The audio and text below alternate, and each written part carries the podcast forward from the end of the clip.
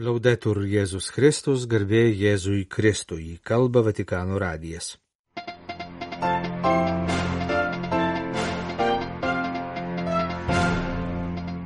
Paskelbta popiežiaus didžiosios savaitės ir Velykų pamaldų programa. Angoliečiui kardinolui sukanka 99 metai. Romos jėzuitų archyvas ir Vašingtono holokausto muziejus pasirašė bendradarbiavimo sutartį. Brazilijos vyrų piligrimystė į Aparesidos švenčiausiosios mergelės Marijos šventovę. Nepaisant bombardavimų, Sudano krikščionys renkasi melstis kartu. Prancūzijos katalikai protestuoja prieš ketinimą teisę į abortą įrašyti į Konstituciją. Popiežius Pranciškus vadovaus visoms įprastoms didžiosios savaitės ir Velykų apeigoms Vatikane, informavo vyskupas Diego Ravelli, popiežiaus liturginių apeigų tarnybos vadovas.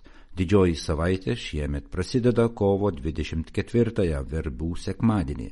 Didysis Velykų tridinis prasideda kovo 28 dieną ir baigėsi kovo 30-ąją Velykų sekmadienį popiežius vadovaus verbų sekmadienio ir Kristaus prisikėlimo Velykų mišioms Šventojo Petro aikštėje.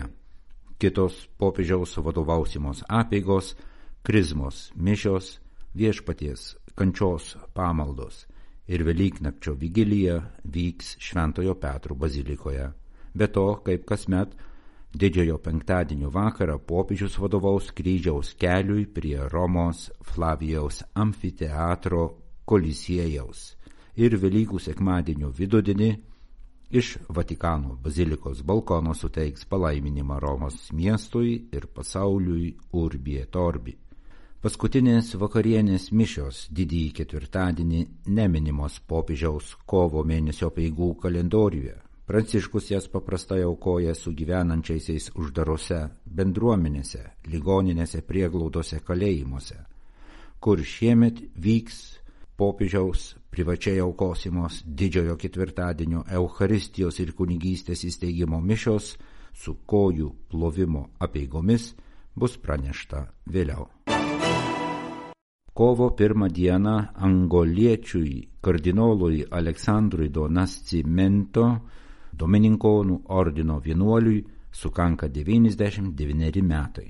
Jis yra amžiumi vyriausias kardinolų kolegijos narys, penktas seniausias kardinolas bažnyčios istorijoje ir pirmasis kardinolas iš Angolos. Nuo 1986 iki 2001 metų kardinolas Donas Cimento buvo Angolos sostinės Luandos arkivyskupas. 1975 metais konsekruotas gimtosios Malanija viskupijos vyskupu 1977 metais buvo paskirtas Lubangos arkivyskupu, kurį laiką buvo Ondyvos vyskupijos apaštališkasis administratorius. Sensacingas buvo kardinolo pagrubimas 1982 m. rudenį pasturacinio vizito metu Angolos sukilėlių grupuotė keturias savaitės arkivyskupą laikė įkaitų popiežius šventasis Jonas Paulius II viešai kreipėsi į pagrubėjus ragindamas jį paleisti. Netrukus po išlaisvinimo 1983 metais popiežius paskyrė Aleksandrą Doną Cimento kardinolu. 1984 metais popiežiaus kvietimu kardinolas Vatikane vadovavo Romos kūrijos gavėnios rekolekcijoms. Vyriausias Angolos katalikų ganytojas aštuonerius metus ėjo Caritas Internationalis pirmininko ir septynerius metus Angolos ir Santomė vyskupų konferencijos pirmininko pareigas. Angoloje vykstant nepriklausomybės karui 1925 metais gimęs Aleksandras do Nascimento išvyko į tremtį Portugalijoje dešimt metų tarnavo Lisabonos parapijos kapelionu.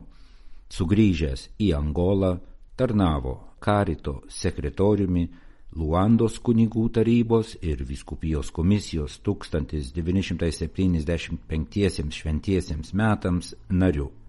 2015 metais 90 metis kardinolas Do Nascimento tapo pamokslininku ordino domininkonų vienuoliu. Nuo 2021 metų jis yra Luandos arkivyskupas emeritas.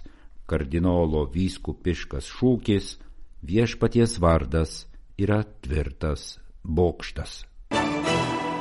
Vašingtono holokausto muziejus ir Romos Jėzaus draugijos archyvas pirmadienį vasario 26 dieną pasirašė bendradarbiavimo sutartį, pagal kurią bus palengvinta prieiga prie dokumentų ir bus suteikta galimybė susipažinti su jėzuitų archyvinė medžiaga susijusia su holokaustu prieš antrąjį pasaulinį karą, jo metu ir po jo. Šie dokumentai bus suskaitmeninti. Vadovaudamasis 2019 metais popiežiaus Pranciškaus paskelbtų sprendimu suteikiančių plačią prieigą prie archyvinės medžiagos susijusios su popiežiaus Pijaus XII pontifikatu, Vašingtono holokausto muziejus ėmėsi iniciatyvos padaryti prieinamus dokumentus esančius bažnyčios archyvose Romoje. Po sutarties pasirašymo žurnalistams paaiškino holokausto muziejaus archyvų direktorius Zachary Levinas. Jis pabrėžė, kad Jėzaus draugijos Romos archyvose saugoma medžiaga yra labai svarbi šiam projektui. Pasak Vašingtono muziejaus archyvo direktoriaus, šis susitarimas žymė istorinį momentą holokausto tyrimams. Kai jėzuito archyvo dokumentai bus suskaitmeninti, juos bus galima tyrinėti kartu su mokslininkams prieinamais Vatikano paštališkojo archyvo bei Romos Santa Marija Delanima Vokiečių instituto dokumentais.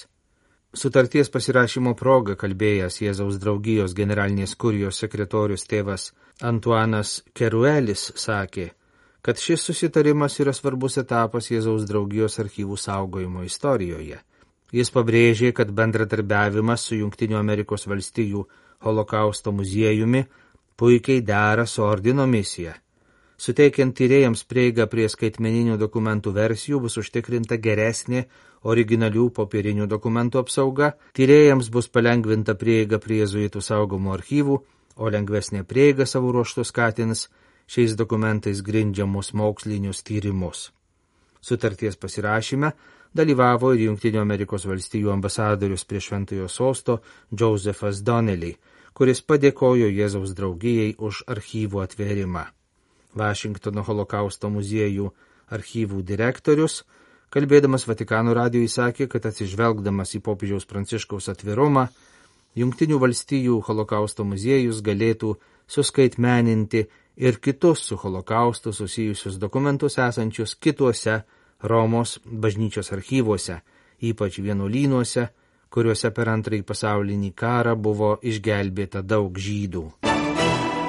Praėjusį sekmadienį vasario 25 dieną į Brazilijos Aparesidos švenčiausiosios mergelės Marijos šventovę atvyko daugiau kaip 80 tūkstančių vyrų iš visos Brazilijos, priklausančių vyrų rožinio judėjimui.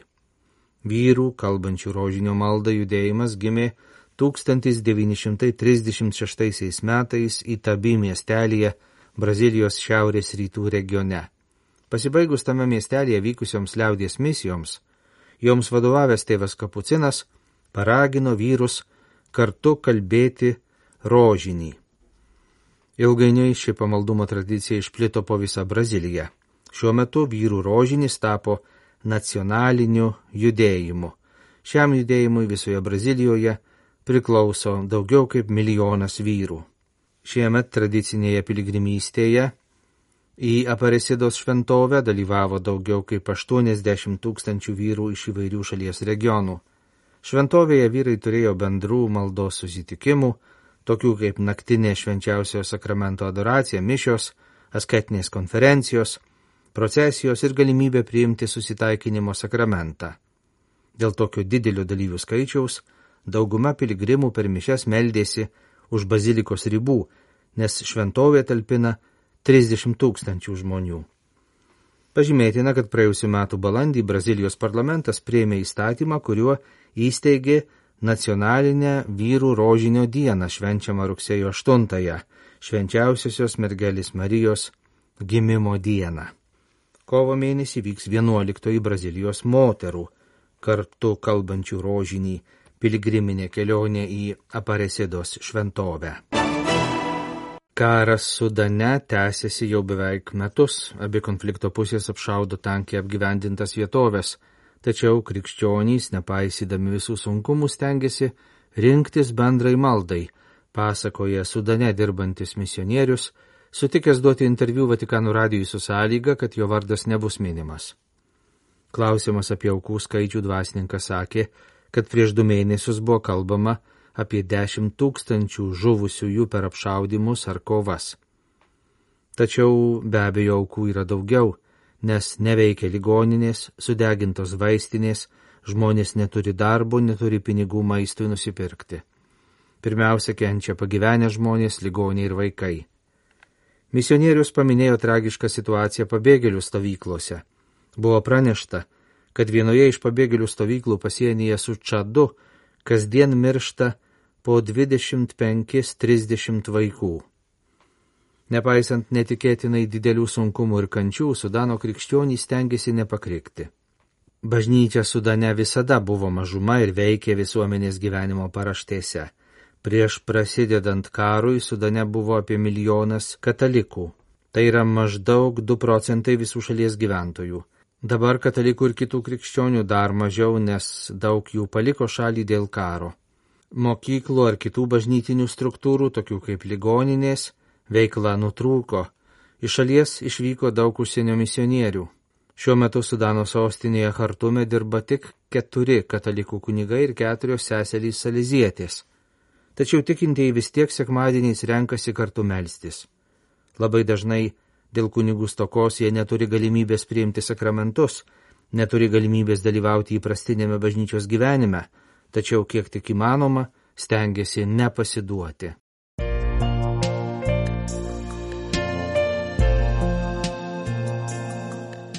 Jūs klausotės Vatikanų radio. Tęsėme žinių laidą lietuvių kalba.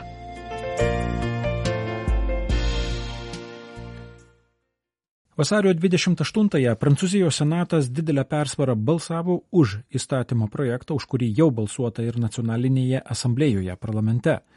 Juo siūloma įrašyti į Konstituciją laisvę rinkti savanorišką neštumo nutraukimą, kitaip tariant abortą. Pagrindinis argumentas - moters laisvė disponuoti savo kūnu ir savo gyvenimo ritmu. Pagrindinis kontraargumentas - visai nepaisoma - negimusios žmogiškos būtybės statuso ir teisių kurios turi būti balansuojamos su moterų teisėmis. Taip pat kyla labai rimtų klausimų dėl sąžinės ir įsitikinimų laisvės ateities. Galima priminti, jog abortai Prancūzijoje įteisinti prieš keletą dešimtmečių. Jų skaičius viršyje 200 tūkstančių per metus, prieiga prie aborto yra lengva. Tad kam konstitucijos pataisa? Tai visų pirma politinė ir ideologinė reakcija į neseną Junktinių valstijų konstitucinio teismo sprendimą, jog abortas nėra federalinė teisė. Tai priešingai nei kartais teikta, buvo ne aborto draudimas, bet pripažinimas, jog atskirų krašto valstijų rinkėjai ir jų išrinkti parlamentai gali patys spręsti, kaip reguliuoti šią praktiką savo valstijos ribose. Nors Prancūzijoje nėra jėgų, kurios galėtų pakeisti dabartinę abortų reguliavimo praktiką, vyraujančios politinės jėgos nusprendė užkirsti kelią net teoriniai galimybei. Tačiau, kaip pažymė kritikai, neštumo nutraukimo pavertimas konstitucinę normą yra kur kas daugiau nei moterų laisvės kaip tikima įtvirtinimas. Kaip ir eutanazijos atveju, viena yra įteisinti ir reguliuoti tokią praktiką, atsižvelgiant į sunkes ir sudėtingas asmenų gyvenimo aplinkybės, o visai kas kita - priskirti tam žmogaus teisės ir konstitucinės teisės svorį. Pastarosios teisės paprastai suvokiamos kaip savaime geros, savaime vertingos ir visuotinos, o valstybė turi pareigą jas ginti visomis jėgomis, įskaitant savo pačios piliečių baudimą. Jei žmogaus orumo ir gyvybės vertės pabrėžimas tarp konstitucinio normų niekam nekelia bejonių, ar galima pasakyti tą patį apie žmogiškos gyvybės nutraukimą kad ir labai ankstyvoje, bet kiekvienos mens vystimuisi būtinoje fazėje. Ar vietoj greito neštumo nutraukimo siūlymo neverta daugiau dirbti ugdymo karjeros galimybių ir ekonominio saugumo užtikrinimo sritise, Mat būtent gyvenimo sąlygų blogėjimas motivuoja daugelį abortų. Ar reakcija į gyvenimo sąlygų blogėjimą iš tiesų yra laisva moterų valia? Tokius klausimus, daug kurių savaime nėra krikščioniški, bet žmogiški nekarta kėlė Prancūzijos viskupų konferencija. Moterų teisės turi būti toliau remiamos ir užtikrinamos lygus darbo užmokestis, apsauga nuo smurto socialinėme gyvenime ir šeimos aplinkoje. Socialinė parama moteriams, ypač vienišoms, auklėjant vaikus yra labai pageidautini pasiekimai mūsų visuomenėse. Ar dera abortus prilyginti šioms pamatiniams teisėms? Abortų įrašymas tarp pamatinių teisių pažeistų jų pusiausvyrą. Kartu su kitais tikinčiais žmonėmis, visais geros valios vyrais ir moterimis, katalikai jaučiasi pašaukti tarnauti silpniausiųjų teisėms ir orumai. Jie meldžiasi už poras ir moteris, susidūrusių su aborto drama. Dar kartą dėkojame tiems, kurie išklauso, palydi, palaiko ir pagodžia, niekada neteisdami, taip pat visiems išrinktiesiems žmonių atstovams, kurie savo balsu ir įsipareigojimu išdrys skatinti gyvybės kultūrą. 2023 lapkritį pareiškė Prancūzijos viskupai. Panašų pareiškimą galima rasti ir 2022 gruodį po diskusijų nacionalinėje asamblėjoje. Vasario 27 dieną prieš balsavimą Senate keliais klausimais ir mintimis pasidalijo Lyono arkivyskupas ir Prancūzijos primas Olivieris de Žermė. Pasak jo, Simone Veil Abortų dekriminalizavimą Prancūzijoje 1975 pasiekusi politikė pripažino, kad tai vis tik yra drama, bet nuo to laiko rodos viskas buvo daroma, kad abortas būtų kuo lengvesnis ir banalesnis. Jei konstitucinė norma bus priimta, Prancūzija tame pačiame lygyje pastatys bet kurio žmogaus gyvybės orumą, konstitucinės vertės principą ir laisvą prieigą prie aborto. Kaip paaiškinti tokį prieštaravimą? Vienas iš paaiškinimų - individualių teisių išaukštinimas, nepaisantis socialinių pasiekmių ir santykių su kitais asmenimis. Jau yra ženklų, kad socialinė sanglauda dėl to negerėja, o blogėja.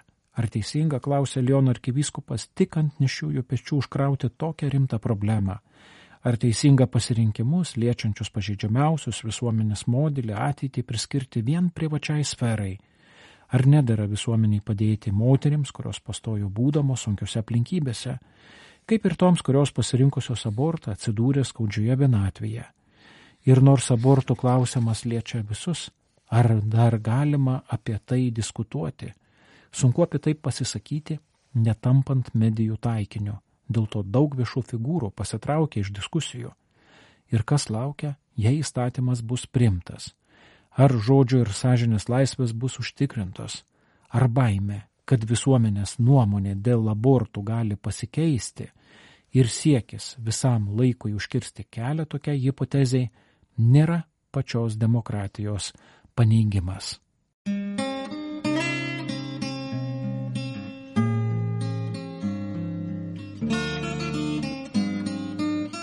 Kalba Vatikano radijas. Laidą lietuvių kalba baigėme. Garbėjai Jėzui Kristui, laudetur Jėzus Kristus.